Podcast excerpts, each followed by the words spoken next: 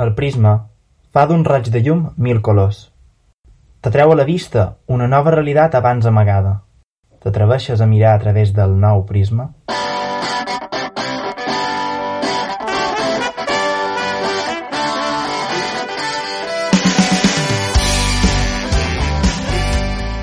Benvinguts un dia més al Nou Prisma.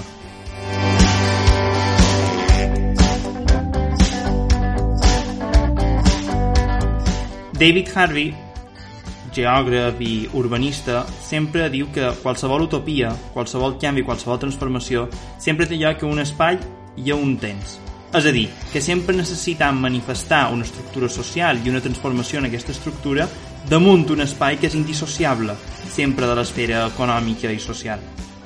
Així com se configura l'espai, previ a la transformació o posterior, sempre és com se configuraran les interaccions socials i, en definitiva, tot el que provengui, l'economia, la política. Per això pensar l'espai, l'espai com a centre d'estudi per excel·lència, és necessari. I parlant d'espais per excel·lència, avui parlarem de la ciutat. La ciutat i la metròpoli cada vegada guanyen més protagonisme en el nostre dia a dia. Cada vegada més gent viu a la ciutat i la ciutat és cada vegada un tema més de debat. Al final, nosaltres ens estem convertint en éssers urbans, determinats per l'urbanisme, les cases, els carrers, en definitiva. Avui parlarem de la ciutat, aquests carrers i aquest urbanisme a dins un temps i a dins un espai i amb una voluntat de canvi i de transformació.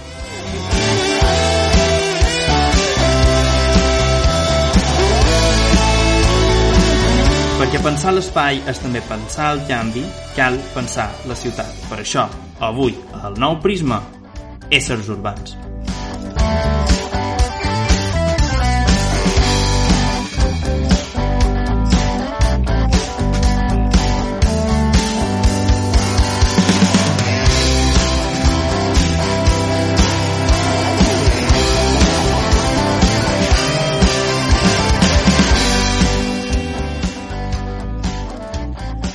Vegada una persona me va dir que el carrer era el més revolucionari que podia existir mai. Um, aquesta frase realment a mi em va marcar moltíssim i direu per què? Doncs perquè a la meva carrera sempre havíem pensat en revolucions, sempre havíem pensat en canvis, sempre havíem pensat en transformacions polítiques i mai ningú m'havia dit que tot començava per un carrer. Se donava per suposat o se negava aquesta realitat directament aquesta persona que m'ha obrit un poc aquests ulls i que me va introduir en el món de pensar l'espai també com a espai de canvi és Miquel Berra Sandin. Uh, ell és graduat en arquitectura i actualment està fent precisament el màster habilitant en, en arquitectura a l'ETSAP, a l'Escola Tècnica Superior d'Arquitectura de Barcelona. Per a banda, també ha estudiat i treballat a altres ciutats, com per exemple Chicago, París, Berlín i Madrid. En definitiva, i aquí ara la més important jo crec que de Miquel és una persona que és apassionada de lo que ell fa i sobretot de l'urbanisme i de la ciutat en general. Per tant i avui tenim el plaer de tenir-lo aquí amb nosaltres. Per tant benvingut Miquel. Gràcies, bona tarda. Primer de tot, um, quan me vas plantejar aquesta idea de que el carrer revolucionari estaves fent el teu treball de final de grau que varet centrar precisament en un tema que avui està molt en boga, que són els canvis i a partir de grans crisis. És a dir, la crisi per tu representa per la, una oportunitat eh, a l'hora de canviar la ciutat o presenta un impacte per la ciutat que permet un canvi i una transformació. Ens pots explicar un poc més en què consistia aquest TFG i, i aquesta teoria que, que vas construir? Sí, efectivament. Uh, el que jo volia buscar és com aquests moments de canvi social, econòmic, polític poden donar lloc a una transformació de la ciutat i poden crear oportunitats per a um, instaurar un nou model de ciutat. I en aquesta, en aquesta recerca, al final, el que, el que volia veure és com ara bueno, ara just amb el, amb el coronavirus un altre cop estem en un moment de canvi però amb el 2008 i amb la crisi anterior havien tingut un, un moment de, de, camp, de gran canvi econòmic i com això s'havia reflectit a, a la ciutat. I per a veure això el que vaig estar buscant eren referents històrics de grans canvis o de ciutats que han estat marcades per aquests grans canvis. Uh, bàsicament vaig estar treballant per això a Chicago i a Berlín, que són dues ciutats que, eh, com has esmentat abans, conec bé i, i he viscut i he treballat, i, i és per això que bueno, en aquestes ciutats vaig buscar eh, moments rellevants de canvi polític eh, o, o econòmic o esdeveniments que van causar grans canvis que després es van reflectir en una oportunitat per a refer la ciutat i per a, uh, al cap i a la fi, millorar-la i pensar-la d'una forma diferent, que és el que ara també, en aquest moment, uh, molts professionals del sector estan, estan buscant a fer amb, amb el coronavirus. No? Um, per exemple, en el, en el cas de Chicago, um, aquest canvi va, va ser causat per un, el canvi principal, el primer,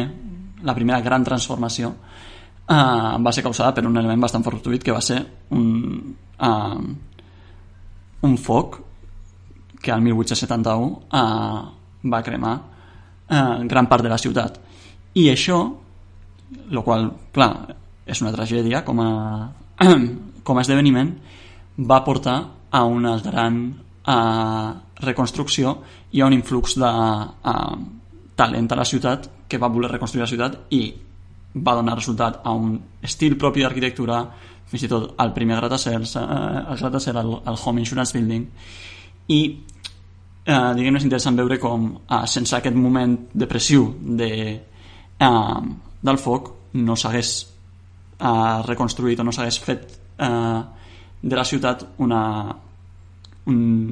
un moment especial en l'arquitectura i en l'urbanisme. Jo una cosa que m'ha cridat l'atenció quan, quan vaig conèixer el botó TFG és que, per exemple, per explicar el canvi a les ciutats utilitzes una teoria de canvi de l'economia. Més enllà de, de, de lo millor entrar en concret de per què això, el primer que me ve el cap és un ús completament um, transversal de les diverses disciplines que poden afectar damunt la ciutat i que moltes vegades no s'utilitza així. Penses que l'estudi, per exemple, que tu n'has fet s'hauria de fer extensiu perquè de cada vegada l'economia pensi més la ciutat i la ciutat pensi més l'economia i qui diu economia diu també sociologia, política i totes aquestes ciències socials que s'haurien d'interaccionar Sí, trobo que um, de vegades aquests diferents eh, sectors o, o espais d'estudi um, juguen al seu partit, per dir-ho així, i, i, i es, es confinen en els seus propis silos. I, i en canvi, clar, en, en el moment en el que estem analitzant la ciutat, la ciutat és el, és, és el tauler de joc. És el tauler de joc on tot això passa i amb tot això afecta. Afecta efectivament l'economia,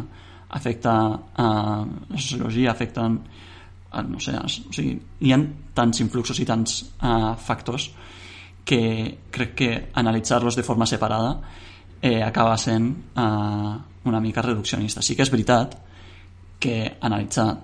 tot això alhora té un cert punt de complexitat on potser s'arribaria a la no conclusió, no? que és veure que tot això passa i que no hi ha que està tot tan entrellaçat que no hi ha, que no hi ha cap relació clara no? Uh, però sí que trobo que hi ha certs moments molt específics on cal veure com l'economia impacta en la ciutat o com, uh, o com certs uh, canvis eh, econòmics també, o canvis, canvis socials poden impactar a, a la ciutat. I bueno. Partint d'aquesta idea de que els impactes econòmics, socials i polítics impacten damunt les ciutats, les crisis hi juguen pens un, un paper central, per això m'agradaria moure'm a el que abans indicaves, a la crisi que comença el 2008 i que sembla que les seves conseqüències se perllorguen quasi, quasi ad eternum fins a, a, a dia d'avui. Aquesta crisi del 2008, quins principals canvis dona a la ciutat, quins principals impactes té damunt la ciutat, partint d'aquesta gran crisi que toca totes aquestes disciplines que abans parlàvem, des de l'economia, la sociologia, mm, la societat, perdoneu, la política, etc. Quin impacte tenen damunt l'espai i com l'espai també, a lo millor, determina aquest impacte. Clar, en el, en el cas de la crisi del 2008, eh, especialment aquí a Espanya, podríem dir que hi ha un, un impacte a la ciutat, hi ha un impacte en, en allò que estava creixent. Al final la crisi del 2008 és una crisi molt basada en, en el sector immobiliari, en en el sector de l'arquitectura i, i jo crec que com totes les crisis el paisatge més icònic potser de la crisi del 2008 és allò del, uh, dels carrers fets i, i els edificis per fer que crec que tothom a totes les ciutats de, uh, de l'estat espanyol segur que se'ns acudeixen exemples no? uh, de fet en aquest tema sí que hi ha un bueno, hi va haver un, un, un moviment o una pàgina web que sí que es va dedicar molt a, a mostrar uh, aquestes, aquestes construccions que s'havien fet amb, aquest, amb aquesta idea megalòmana de, de construir, construir, construir, que és Nación Rotonda, que és molt recomanable consultar-la, i veure com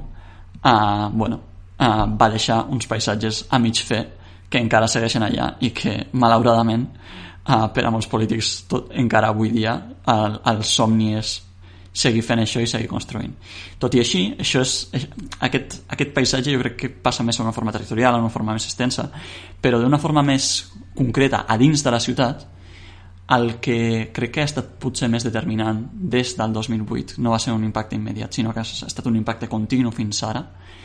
és uh, el tancament del uh, paulatin, pro, eh, progressiu del, del, comerç, del comerç local. No? Eh, bé, al final, aquests, eh, aqu aquesta crisi del 2008 genera un canvi molt subtil, no? però que és que a poc a poc, a poc a poc, es van eh, tancant botigues, no només per la crisi, sinó també, o sigui, al final, o sigui, on, ve, on, on veiem aquest, aquesta combinació de factors. No? En, el, en el cas de, uh, del tancament de botigues tenim una crisi econòmica important, tenim um, un canvi del, uh, del model de consum de la societat que és, està passant més a, a grans superfícies o també al, al comerç per internet. No? I llavors aquesta combinació de factors uh, està portant a, a, bueno, a certs problemes uh, d'ocupació del, del comerç que tot i així en moltes ciutats sí que és veritat que es manté però a d'altres el, el, el tancament és molt dramàtic no? Eh, tenim dades del, de l'Institut Nacional d'Estadística on algunes províncies com a Barcelona, per exemple, el tancament dels comerços a, a menors a, són, és del 8% des del 2010 fins, a, fins ara, però a d'altres com a Vizcaya a, ha estat un 20% i per tant analitzar com això està impactant a, a les ciutats i com de fet això passa a zones més eh, no tan centrals de grans ciutats sinó zones més perifèriques o ciutats més petites i que això desfà un poc la vida i la, i la, i la urbanitat. Eh, de la ciutat és un tema rellevant i que crec que no se li ha donat la rellevància que calia. I bueno, veure el paper important eh, del comerç en construir ciutat i en construir un, un hàbitat eh, que sigui còmode per als, eh, per als veïns eh, crec que és rellevant i que no, que no li donem la, la importància que, que hauria de tenir. Quina importància té per tu l'hora de construir una ciutat eh, un comerç, amb el sentit de que deies ara de que la necessitat d'un comerç i de tenir un comerç te dona un sentit de comunitat i de ciutat que altres models de consum, com puguin ser els que estan sorgint ara a partir de la societat de la informació de Globo, Amazon i empreses similars, no mos ofereixen. Sí, aquí el problema és que el, el, el model de ciutat eh, espanyola, per la seva densitat i per la i per la seva forma és, necessita el comerç per a potenciar aquestes plantes baixes i, i, per, a, i per a mantenir una, una qualitat decent no? si anéssim a un altre país eh, sobretot si anem cap al nord eh, a França mateix on veiem que el centre sí que, sí que eh, té comerç és molt actiu però després totes les perifèries són eh, cases individuals o, o, o fins i tot a Alemanya Holanda on tot i que a, a, a la perifèria trobem zones residencials eh, amb residències plurifamiliars les plantes baixes ja es dona per fet que mai són comerç i que són sempre habitatge eh, davant d'això eh, a Espanya sí que eh, la forma de construir ciutat eh, d'aquesta manera més densa i també basant-se molt en la vida al carrer que bueno, és, és on la, la sociologia impacta en la forma de la ciutat necessita del comerç i d'unes plantes baixes actives ah, per a mantenir aquesta qualitat. Tant Lefebvre, eh, per una banda, en el llibre del dret a la ciutat, com per exemple Castells eh, a la ciutat informacional, mm, tots dos llibres reflexen dues èpoques diferents, però que plantegen una mateixa lògica, que és una ciutat cada vegada més dual, en el sentit de que tenim cada vegada unes perifèries molt més residencials i els centres tenen una doble dinàmica i hi ha com una tensió entre la perifèria i el centre, com una dialèctica, no? allà on sembla que el centre va concentrant en certa mesura un espai Lefebvre li diu lúdic no? I, i Castells diu que llavors a les perifèries s'hi concentra una banda residencial de classe mitjana i també de cada vegada més uh, oficines que permeten aquest, aquest traslladament de la societat informacional no? i fins i tot també magatzems a dia d'avui jo crec que Castells li afegiria segurament i ho centre mica en mica se va buidant d'aquella vida urbana per donar lloc a una o dues o barris, o barris segregats profundament que també que mica en mica se van desplaçant, entrant dins aquesta dialèctica de centre-perifèria, i centres que queden completament lúdics, eh, que diria ell, o simplement absents de, de l'urbà. Ell agafa la teoria marxista de dir que han substituït un valor d'ús de la ciutat per un valor de canvi, dir, per un valor simplement comercial de la majoria de centres de les ciutats. Crec que aquesta lògica que apliquen, que Castells en el seu cas ho fa a partir d'un estudi als Estats Units i la fe evidentment també sobretot se centra molt en França crec que aquesta lògica s'està començant a donar a partir i intensificant sobretot a partir de les conseqüències de la crisi del, 2010, del 2008 aquí a, a el nostre país. Uh, no, crec que això no és així que hi ha capacitat en termes comparatius de reversió. Clar, sí que si ens, si ens referim una mica als usos que es donen a cada, a cada espai, no? en aquesta dicotomia centre-perifèria, centre uh, sí que pot ser veritat que, que aquí també s'estigui donant aquesta desertificació de les activitats uh, de la perifèria més enllà, de, més enllà del, del viure. El que passa és que uh, la diferència amb els Estats Units claríssimament i en França és que el nostre model de ciutat no respon a això. El model de ciutat estat, eh, estatunidenc al final va estar sobretot establert uh, després de la guerra, eh, bueno, a la postguerra amb l'arribada del cotxe i amb la uh, suburbanització um, amb aquesta idea de que el cotxe et donava la llibertat d'arribar al centre i que per tant podies viure lluny eh, amb, el, amb, fent un consum d'espai eh, més gran i a França d'una altra forma però també passa d'una forma, forma similar no? més enllà de les grans ciutats eh, les, el model eh, es basa molt en unes perifèries molt, molt poc actives però alhora amb més espai eh, eh, i una densitat més baixa. Aquí el problema és que estem anant a unes perifèries molt poc, molt, molt poc actives però amb molta densitat i això eh, diguem-ne, aquest, aquest mantenir la densitat i mantenir un, una, una qualitat de vida en, en les zones denses necessita uns espais comuns eh, ben cuidats i, i en aquest cas, donat que eh, l'espai comú per antonomàcia eh, a Espanya que on no comptem en grans parcs, no comptem en, grans, en grans places, és al carrer. El fet que el carrer no tingui la vida que, eh, que podria necessitar eh, pot anar en, de, en detriment eh, de la qualitat i per tant eh, no sé fins quin punt eh, aquesta idea de que els centres acumulen la, l'activitat més lúdica o més representativa, per dir-ho així, i les perifèries es van desfent d'activitat de, comercial i queden com un espai més de uh, només residencial, uh, crec que el, el, el model de ciutat espanyola uh, no ho aguantaria i de fet crec que és un dels grans uh, és una de les grans virtuts del, eh, dels tipus de ciutats que tenim aquí i que crec que en molts casos són enveja d'altres països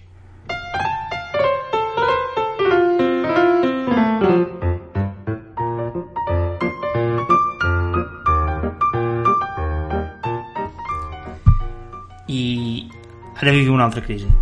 Arriba de cop, quan encara pareix que semblaven que sortíem de les conseqüències de l'anterior crisi, arriba una pandèmia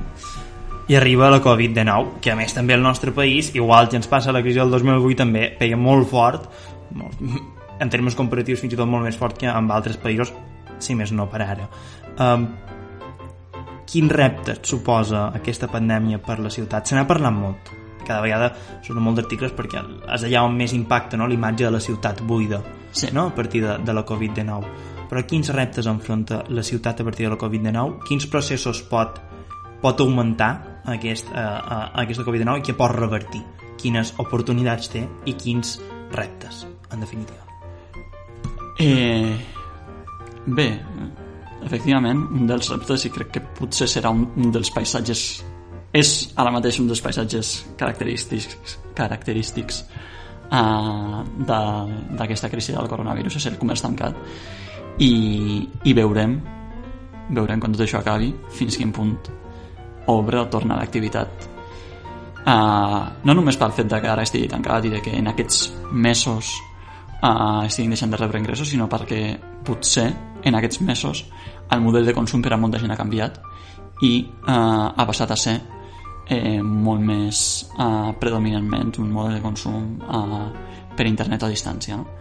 per tant eh, aquest és un, un dels reptes i un dels perills eh, que jo crec que s'ha de um, s'ha d'abordar amb, amb, amb responsabilitat i amb, i amb coratge d'intentar uh, mantenir uh, la, la vida del, del comerç per tal de que els nostres carrers siguin uns, uns espais còmodes per viure i uns espais segurs um, en canvi, en quant a les oportunitats, bueno, hi ha, hi ha, hi ha un món de, de la mobilitat que jo crec que es mou entre el repte i l'oportunitat en, aquest, en aquesta crisi, que s'està veient per diferents uh, actors d'una forma, eh, d'una forma molt diversa i cadascú tirant cap a casa o, o, o abogant pels, pels seus interessos no? eh, clar, el fet del, del distanciament social en el, en el món de la mobilitat eh, està donant d'una banda que en els desplaçaments curts la gent està evitant el transport públic i potser s'està passant a modes de transport eh, que són encara més ecològics que seria la bicicleta i, el caminar a peu però en canvi en distàncies més llargues el fet, el, aquest, aquest objectiu de voler evitar el transport públic pot donar lloc a un major ús del vehicle privat, és a dir, del, del cotxe. No? I per tant ens trobem en aquesta situació on eh, l'espai del carrer eh, es vol fer servir per a bicicletes i per a vianants, per a que la gent tingui més espai eh, més espai públic per a, per a que hi hagi més bicicletes i més, i més vianants però que eh, no es doni aquesta sensació de uh, d'acumulació de, o de densitat massa alta però alhora aquest espai que estem robant l'estem robant als cotxes que està per veure si quan aquest tancament de la, de les, dels sectors econòmics acabi està per veure si eh, el trànsit eh, augmentarà de tal forma que aquest espai pels cotxes també sigui necessari. Eh, per tant, clar, eh, aquí cada sector aboga per lo seu i jo crec que la forma de fer un, un urbanisme responsable és eh, evitar que els cotxes vagin eh, agafant aquest espai fent el seu, no? I després, bé, jo crec que eh, més enllà d'això sí que eh, el, aquesta, crisi, aquesta crisi del coronavirus bueno, donarà lloc a, a discussions sobre eh, sense, sense dubte sobre l'habitatge i sobre com eh, bueno, com, com vivim. De fet fins i tot tornant al tema de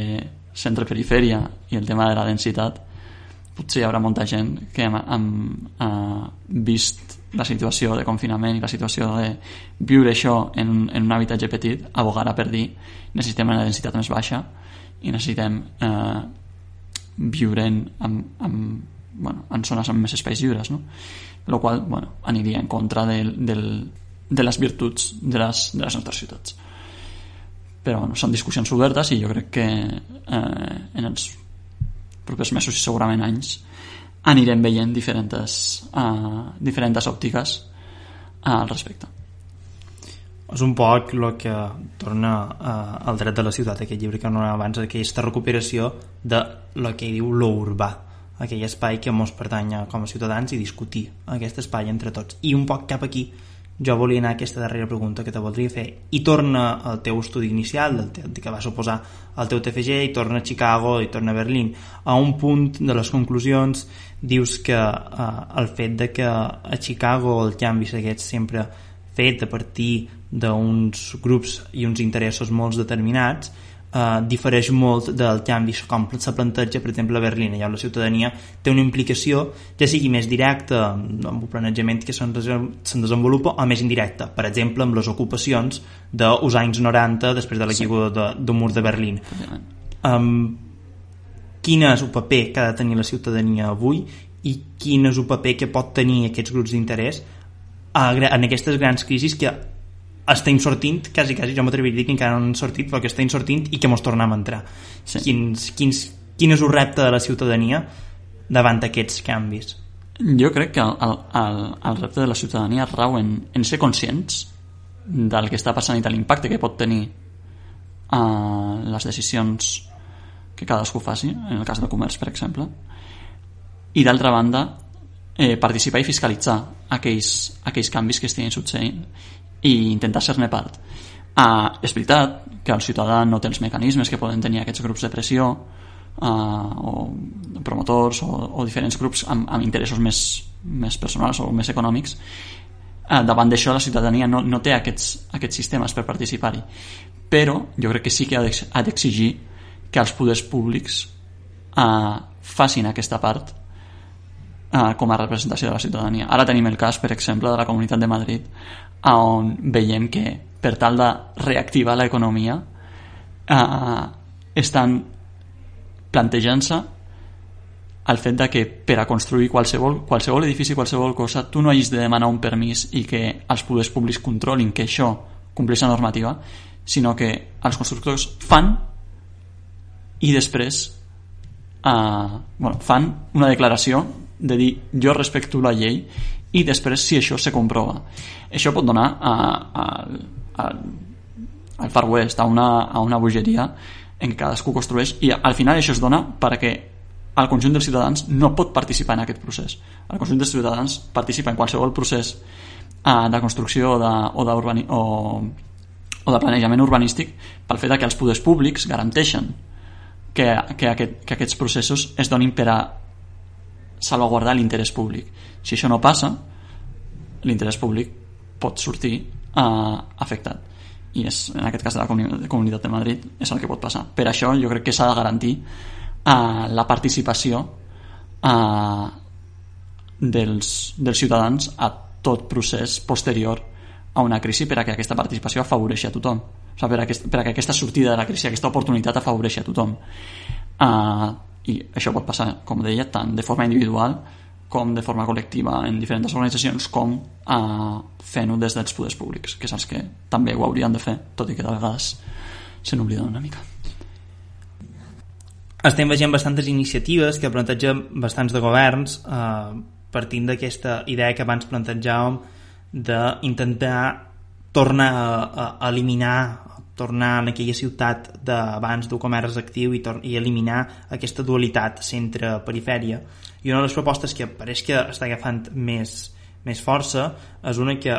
per part de l'actual la, batlesa de, de París, Ana Hidalgo ha agafat eh, d'alguns urbanistes que la defensen, que és l'idea de la ciutat dels 15 minuts. Fent totes les activitats que un pot realitzar al llarg del seu dia a 15 minuts de distància des de casa seva. Clar, això planteja un repte que a mi em costa d'imaginar, un repte, eh, primer, amb una, amb una regulació totalment nova dels usos que en puguem fer del, del sol de dins d'una ciutat i llavors també de plantejar la manera nostra de viure dins la ciutat. I jo m'agradaria saber quina és la teva opinió de propostes com aquesta o similar. Bé, jo crec que és, eh, és un plantejament um, el qual sí que en principi sí que pot donar lloc a, a entendre. Bé, si vivim en un entorn de 15 minuts eh, hi haurà un, un espai més eh, comú, més col·lectiu on la gent es coneixerà, és al final implantar la vida de, de, de poble a un barri d'una gran ciutat. El qual eh, en termes socials i en termes fins i tot econòmics podria, podria ser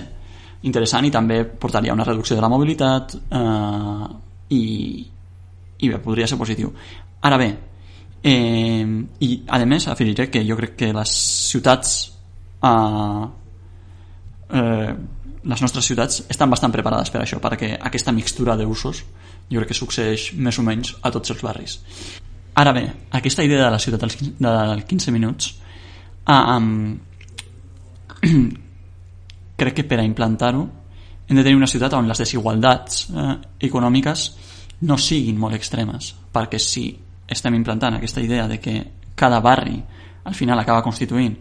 una pseudo, un pseudo poble, per dir-ho així, o una comunitat més, més o menys més tancada, eh, si això ho fem a ciutats on eh, les diferències de renda són molt altes, al final estem, estem fent guetoitzant, per dir-ho així, o fent que cada, cadascuna de les comunitats es quedi allà on és i impedir que uh, gent que ha sortit de comunitats més menys benestants pugui accedir a llocs de treball o a eh,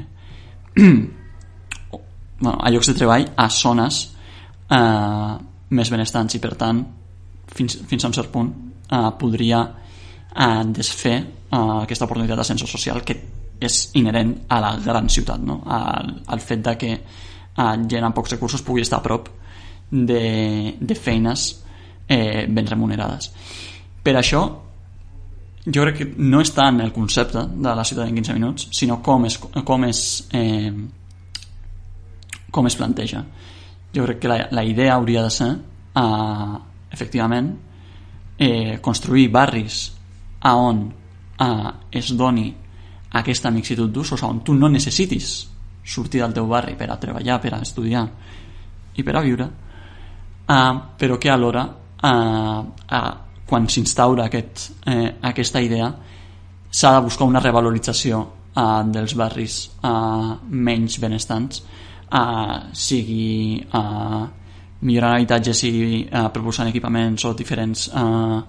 a la instauració de diferents sectors econòmics que eh, donin un valor afegit en aquests barris i puguin reequilibrar la ciutat tot i que l'estiguem fragmentant en aquests nuclis de 15 minuts. When my nervous system has stabilize myself and lower this tattered shield Don't pretend that you sunk my heart. We'll always tear it all apart. No sé si vols afegir res més. Um, bueno, simplement pel, pel bé de la ciutat sortiu, camineu, feu-la servir feu-la servir. Ara en aquests moments dins dels horaris establerts d'aquí a uns dies esperem a, a totes hores del dia i, i feu servir la ciutat no només, no només al carrer sinó també als seus comerços i, a, i en tot allò que, que dona vida i que fa que visquem a uns espais que són còmodes, que són agradables i que els puguem seguir disfrutant uh, tant com hem fet fins ara. Bueno, jo crec que no hi pot haver millor recomanació. En aquest programa s'acaba amb una recomanació no pot haver millor recomanació que, que aquesta. Per tant fins aquí queda el programa d'avui. Moltes gràcies Miquel per, per haver participat. Gràcies a tu. I res, ja sabeu si hi ha realistes demaneu l'impossible. Breathe in, breathe out You won't ever fall through. Breathe in, breathe out You won't ever be misconstrued. So breathe in, breathe out, you won't fall through. And breathe in, breathe out, you won't be misconstrued. So breathe in, breathe out, you won't fall through. And breathe in, breathe out, you won't be misconstrued. So breathe in, breathe out.